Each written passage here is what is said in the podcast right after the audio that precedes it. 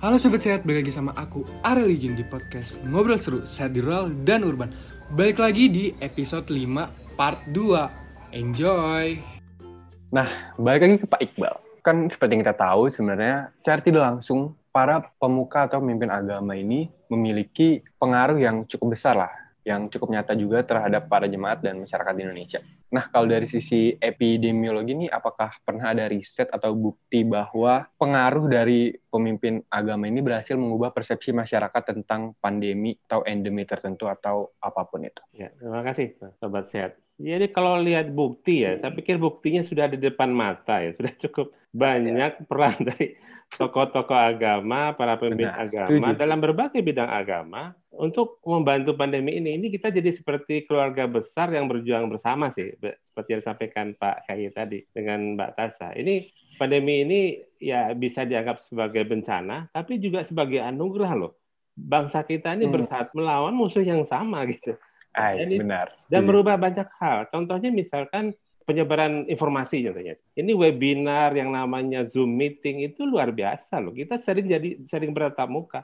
Kalau tidak ada kesempatan ini mungkin saya nggak kenal Pak Kiai, nggak kenal Mbak Tasa juga. Jadi banyak sekali membuka sebenarnya ruang-ruang uh, persaudaraan baru, kesamaan misi, visi Benar, untuk sama-sama pandemi ini. Benar, kita nggak bisa sendiri, nggak bisa epidemiologis ini nggak bisa, harus ada ada pihak lain yang membantu. Dan virus ini tidak mengenal agama lu apa etnis lu apa nggak peduli. Mereka ada ciptaan ini ngantem betul semua betul. gitu. iya kan? Ya jadi peran peran uh, saya melihat peran pemimpin agama sekaligus institusi dan uh, boleh dibilang kelompok massa yang di bawahnya sangat sangat berperan untuk satu meminimalkan kontak. Nah, ini balik lagi ke ranah epidemiologi, meminimalkan kontak antara orang terinfeksi dan yang susceptible, yang yang yang belum terinfeksi. Yang kedua membantu proses untuk mempercepat vaksinasi, ya, terutama kepada kelompok-kelompok risiko. Dan ketiga yang sangat uh, saya hargai sebagai seorang epidemiologi adalah itu kepatuhan terhadap prokes. Karena ini ya yang jadi kita lihat di tempat-tempat ibadah ya di di ibadah uh, sholat Jumat yang di setiap hari Jumat siang saya lihat bahwa pesan-pesan ini setiap sebelum kita mulai mulai sholat Jumat itu pesan dari yang yang berikan pengumuman itu dulu jaga jarak, jangan lupa pakai masker dan di beberapa masjid saya lihat juga banyak itu cek suhu juga dan ada juga yang bagi-bagi masker juga itu sebelum masuk masjid. Dan itu lantai masjid itu dibersihkan dengan disinfektan juga dan diberikan tanda gitu. Jadi sebenarnya secara bersama-sama ini pesan sudah sampai ke bawah ya. Harapan ekspektasi kita ini pandemi ini kan gini mas, ini nggak bisa diramal sih. Ini hmm. selesainya, ah oh, selesainya akhir tahun gitu, atau selesai tahun depan gitu kita nggak kita kita nggak nggak nggak ada orang yang bisa memprediksi ini. Ini Tuhan sudah menyiapkan skenario nya nih sudah begini nih. Ini, ini dikasih lihat nih. Lu bisa bersatu apa enggak gitu. Atas nama musuh yang sama lu bisa bantu apa enggak gitu. Nah, sekarang kita harus istilahnya itu seperti maraton, Mas Ariel. Ya, jadi hmm. ini kita nggak sprint nih ngadapi pandemi ini. Ini daya tahan kita sebagai suatu bangsa, kebersamaan kita satu bangsa, ini lagi diuji. Mungkin dalam forum ini juga kalau teman-teman sering dapat berita-berita hoax itu ya mau diklarifikasi lah, nggak usah di asik-asik tekan share gitu ya, diklarifikasi dulu ke Betul. dari pemerintah. Tujuh mungkin peneliti atau ditanyakan ke kepada para ulamanya, kepada ada mungkin pemimpin gereja atau lain sebagainya. Kita banyak forum sih untuk mengklarifikasi berita-berita waktu capek juga tiap hari ada aja tuh. Betul. 15 berita hoax beredar itu. Kalau di ditang ditanggulangi satu-satu, ditangkis satu-satu kan habis juga ya waktu hmm. kita. itu sih Mas Nah, jadi untuk sobat sehat nih yang lagi mendengar podcast ini, tolonglah kalau ada WhatsApp di grup keluarga tuh tolong dibaca dulu, diperhatikan dulu apakah ini hoax atau tidak. Jadi jangan langsung share. Karena biasanya hoax tuh paling banyak di grup WhatsApp keluarga ya, dari tante, dari oh. Oke, berarti secara tidak langsung nih kita juga lagi berbicara dengan bukti nyata para pemimpin agama dalam mempengaruhi jemaat. Nah, tadi uh, Pak Iqbal juga sebut uh, tentang protokol kesehatan di masjid, terus pada saat sholat Jumat. Nah, aku mau bertanya nih kepada Pak Kiai. Ya. Cara masjid, nanti juga kata Tasya nih, aku tanya. Cara masjid dan gereja untuk mendorong para umat atau jemaatnya untuk terus mematuhi protokol kesehatan di masa pandemi. Nah, dan respon mereka tuh gimana sih ketika kita kasih tahu tentang ini itu? Baik, kalau bisa bicara secara umum, ada saya kira terjadi atau ada di masjid-masjid. Saya tidak mengatakan di pesantren. Kalau di pesantren rata-rata seragam, tapi di masjid karena e, melibatkan masyarakat sekitarnya itu ada dua hal. Yang pertama, ada masjid yang menganggap bahwa pandemi ini sudah ya harusnya berjalan seperti biasalah, seperti virus flu dan uh, seterusnya. Jadi tidak terlalu dikhawatirkan. Sehingga model masjid seperti ini relatif itu ya tidak menjaga jarak, prokes juga sangat minim. Saya harus akui ada. Tapi lebih besar memang masjid-masjid yang menerapkan protokol kesehatan dengan ketat. Di pagi hari menjelang Jumatan misalnya itu dilakukan penyemprotan disinfektan. Lalu di setiap pintu masuk uh, ada disediakan petugas ada yang dengan uh, cek suhu tubuh atau setidaknya dengan apa meja bilas ya untuk cuci tangan itu masuk dan dianjurkan sekali untuk membawa sajadah sendiri karena di masjid kami sendiri karpet masjid digulung untuk uh, meminimalisasi penyebaran virus yang ada.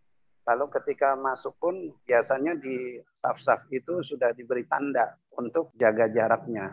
Misalnya berjarak satu meter ada titik untuk kami bisa duduk dan sembahyang sholat di situ, tapi dijaga jarak. Lalu berikutnya ada. Nah ini di, di setiap kesempatan khotbah juga ada pengantar dari uh, pengurus masjid untuk mengingatkan semua bahwa uh, protokol kesehatan harus tetap dijaga.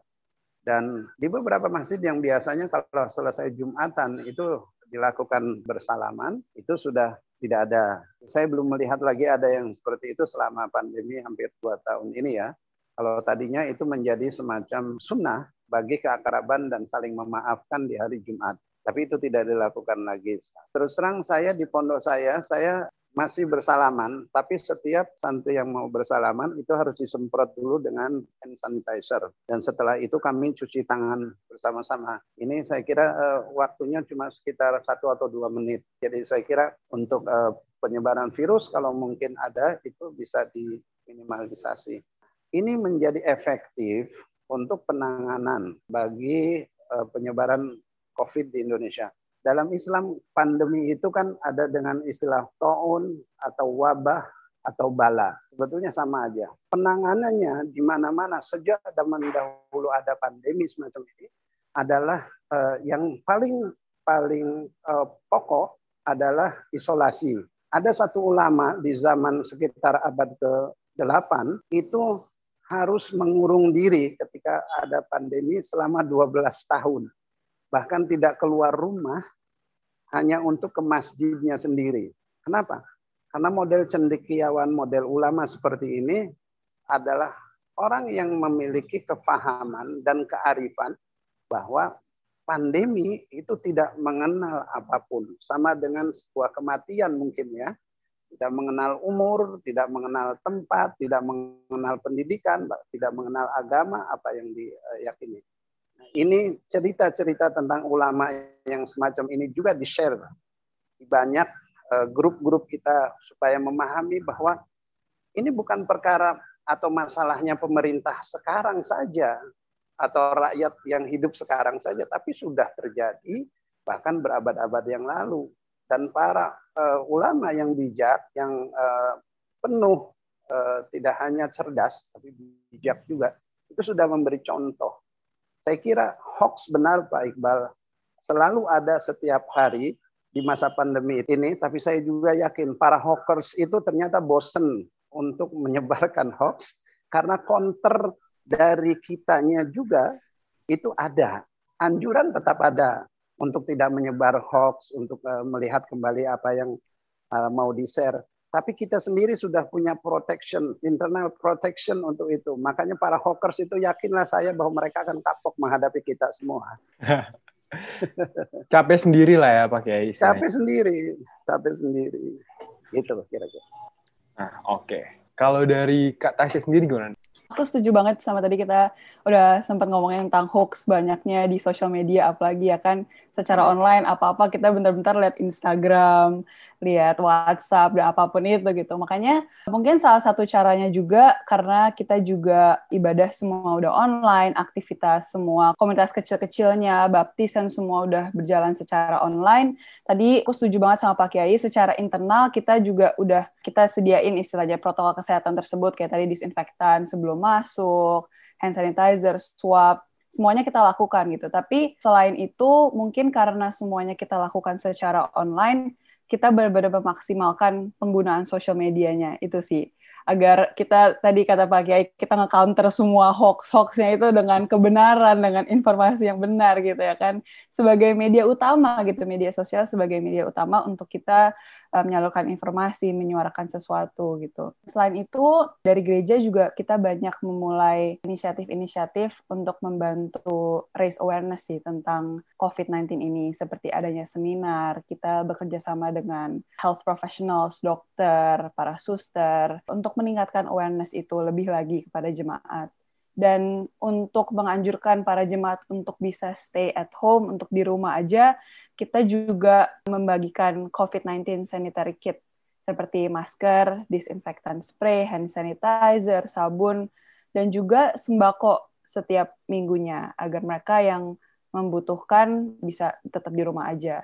Dan ini juga nggak termasuk untuk orang-orang jemaat kita doang, tapi juga uh, lingkungan sekitar kayak kampung-kampung sekitar kita juga sering membagikan, membagikan sembako. Tapi itu juga balik lagi pelayan yang bertugas membagikan sembako tersebut harus ngelewatin semua protokol kesehatannya terlebih dahulu.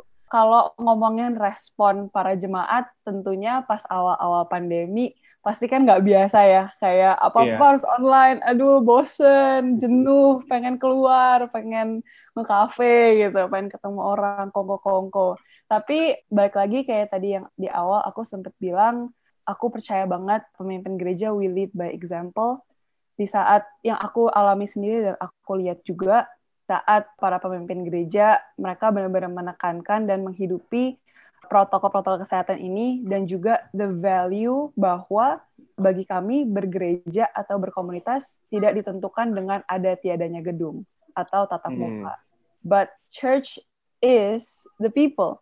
It's never about the building or the fancy lights or the equipment gitu. Tetapi bagaimana orang bisa build relationship, membangun hubungan dengan Kristus dan hidup untuk reach out dan help others untuk membantu orang-orang to love God and to love each other gitu. Jadi walaupun pastinya kita nggak bisa menjamin semua jemaat kita, semua umat kita mematuhi protokol kesehatan ya kan. Kita nggak bisa mendikte mereka di rumah aja ngurung mereka kan nggak bisa ya. Kita juga masih manusia. Aku pun juga masih kadang masih suka nakal keluar-keluar sedikit ngopi sana sini. Tapi balik lagi kita percaya pelan-pelan, maksudnya kita berjalan bersama-sama gitu. Dan kita hmm. dengan kita tahu kita masih bisa beribadah di rumah, kita masih bisa membantu sesama walaupun secara online itu menguatkan kita dan para jemaat untuk terus bertahan sih dan malah semakin semangat untuk menjalani ini karena kita nggak sendirian karena kita bersama-sama. Hai, kita semua di sini bersama-sama melawan COVID-19.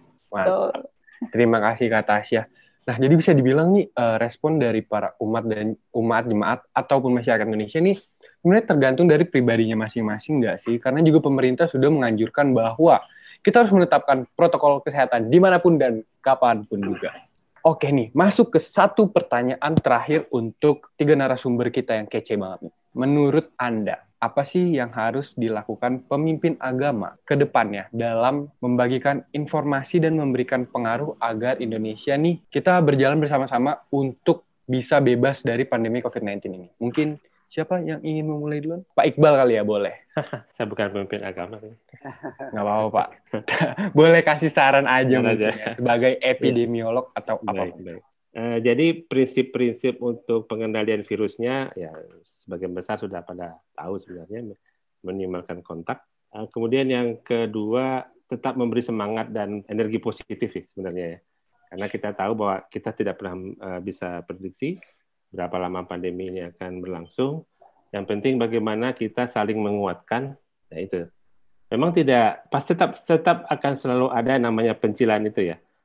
Outlier ya yang ya, ya. yang memang berbeda pendapat kemudian yang juga menyangga. Dan sampai saat ini saya juga masih ada pertanyaan loh. Ini corona ini ada atau tidak loh? Ini sudah berbulan keberapa? Masih ada yang nggak percaya loh sama corona. Kadang saya bilang gini Pak Kiai kita itu umat Islam percaya gaib ya. Kita percaya jin. Kita nggak pernah bisa lihat jin. Virus itu bisa dilihat pakai mikroskop gitu ya.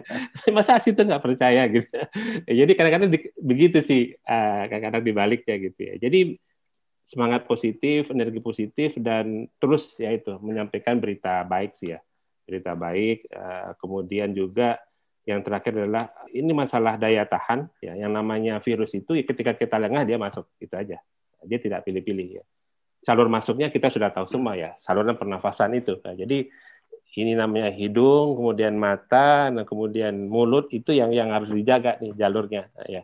Jadi sudah banyak sih sebenarnya strategi-strategi yang disampaikan pemerintah, eh, tinggal compliance ya, tinggal kepatuhan kita sebagai bangsa. Anggap ini perjuangan kita seperti di tahun 45 dulu, kalau tahun 45 kita lawan Belanda, dan sekarang kita lawan virus deh, sama-sama berjuang lah, gitu. supaya kita merdeka lagi gitu ya, bebas lagi. Gitu. Itu aja sih Mas Ariel. Oke, terima kasih Pak Iqbal. Untuk Pak Kiai bagaimana? Ya, saya kira kalau informasi menyangkut tentang virus COVID-19 dan apa itu pandeminya, saya kira sebagian besar masyarakat sudah tahu ya dan sudah memahami.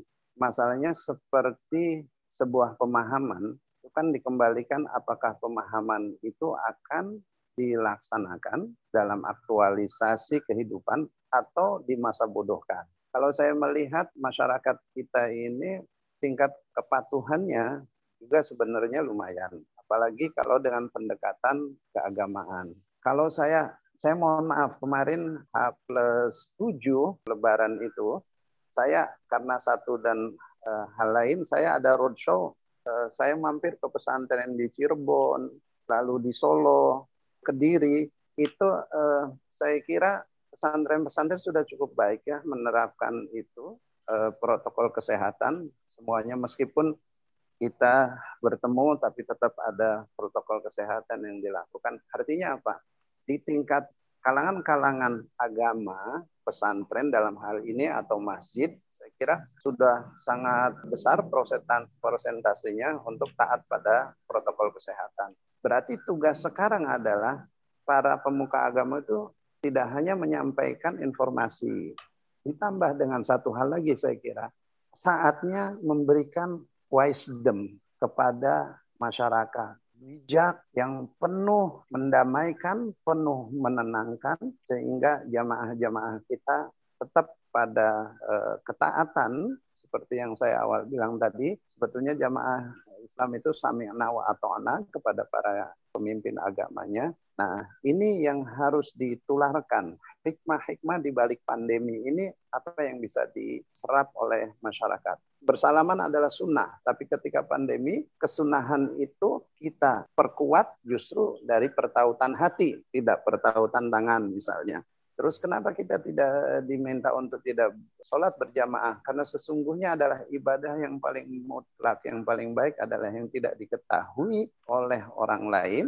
Karena itu hubungannya transendental kan, hablum minallah tadi, Nah, di mana hablum minannasnya kita kemudian kembalikan pada hablum minallah yang lebih baik. Saya kira gitu. Makna-makna yang harus disampaikan oleh para pemuka agama terhadap pandemi ini harus lebih muncul. Tidak sekedar sebuah kajian-kajian informatif atau ilmiah.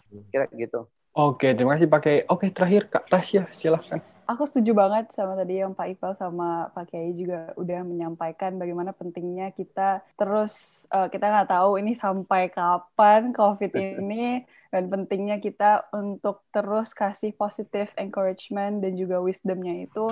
Dan mungkin dari aku tambahan dari itu um, menurut aku we have to be faithful sih untuk terus tetap setia untuk lead by example gitu. Tapi yeah. bukan berarti kita harus menjadi orang yang sempurna dan kelihatannya baik-baik aja kayak seakan-akan hmm. pandemi nggak akan nggak mendampak ke kita gitu. Menurut aku karena dari pandemi ini salah satu masalah terbesarnya adalah living in isolation gitu. tinggal sendiri, semua apa-apa harus sendiri dan merasa kesepian, merasa sendiri karena jauh dari komunitasnya. Karena kita harus di rumah aja, kita harus sendiri ya kan.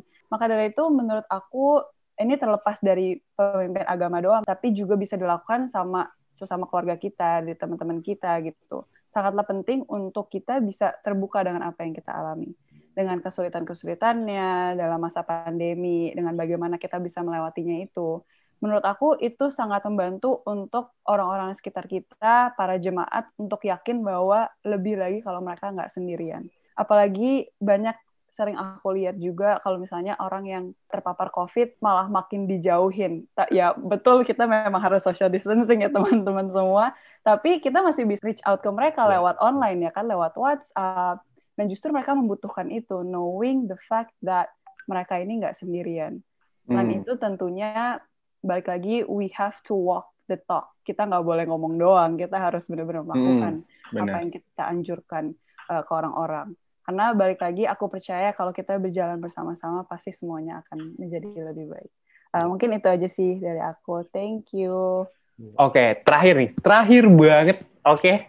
kasih dong kata-kata penutup untuk para pendengar kita, untuk para sobat sehat yang lagi mendengarkan ini. Kata-kata penutup apa pun itu mungkin mau pesan atau apa pun itulah. Oke, mungkin dari Pak Iqbal lagi ya. Ini nyambung dari Mbak Tes tadi ya.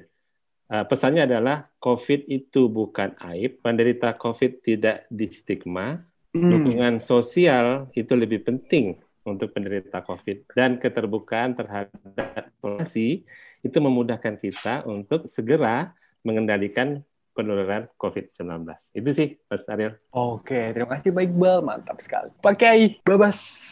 Ya, COVID adalah ujian, hmm. adalah cobaan bagi meningkatnya kualitas hidup kita. Maka pada peningkatan ini, kualitas itu bisa ditempuh dengan peningkatan hablum minallah yang lebih kuat, meskipun harus membatasi hablum minanas untuk sementara. Yakinlah sebagai sebuah ujian tentu akan berakhir. Dan akhir yang baik adalah akhir yang membuat kita menang, bahagia, sehat. Kalau dalam Islam berarti menang dalam keadaan husnul khotimah. Saya kira itu kita bisa lakukan secara bersama-sama. Ayo. Ah, mantap Pak Kiai Babas. Oke, yang terakhir Kak Tasya Mungkin singkat aja dari aku, sobat sehat, kalian nggak sendirian. And if it's not beautiful, it's not the end. Itu aja, thank you. Oke, terima kasih Pak Iqbal, Pak Kiai Babas, Kak Tasya. Hari ini diskusinya yang sangat menyenangkan ya. Selain insightful, ini juga banyak wisdom yang masuk. Kalian ini keren-keren banget. Semoga terus inspirasi masyarakat Indonesia dan para jemaat di luar sana. Sehat selalu, stay safe, dan tetap patuhi protokol kesehatan. Uh, Oke, okay, untuk para sobat sehat, sekian dulu podcast ngobrol seru di episode 5 kali ini. Tetap patuhi protokol kesehatan. Sekarang bukan 5M lagi, tapi 8M. Mencuci tangan, menjaga jarak, menjauhi kerumunan, mengurangi mobilitas, memakai masker, dan main alias berolahraga, makan yang banyak, dan juga molor supaya uh, kesehatan tubuhnya tetap prima. Well, sobat sehat, sekian dulu episode 5 dari podcast Ngobrol Seru Sehat di Rural dan Urban. Kalau sobat sehat punya pertanyaan, boleh banget tanyain di sosial media EOKRU. Instagram EOKRU, EOKRU underscore official, ataupun Facebook EOKRU, eokru.indonesia. Well, aku Lijin, pamit undur diri. Bye, sampai ketemu di episode 6 ya.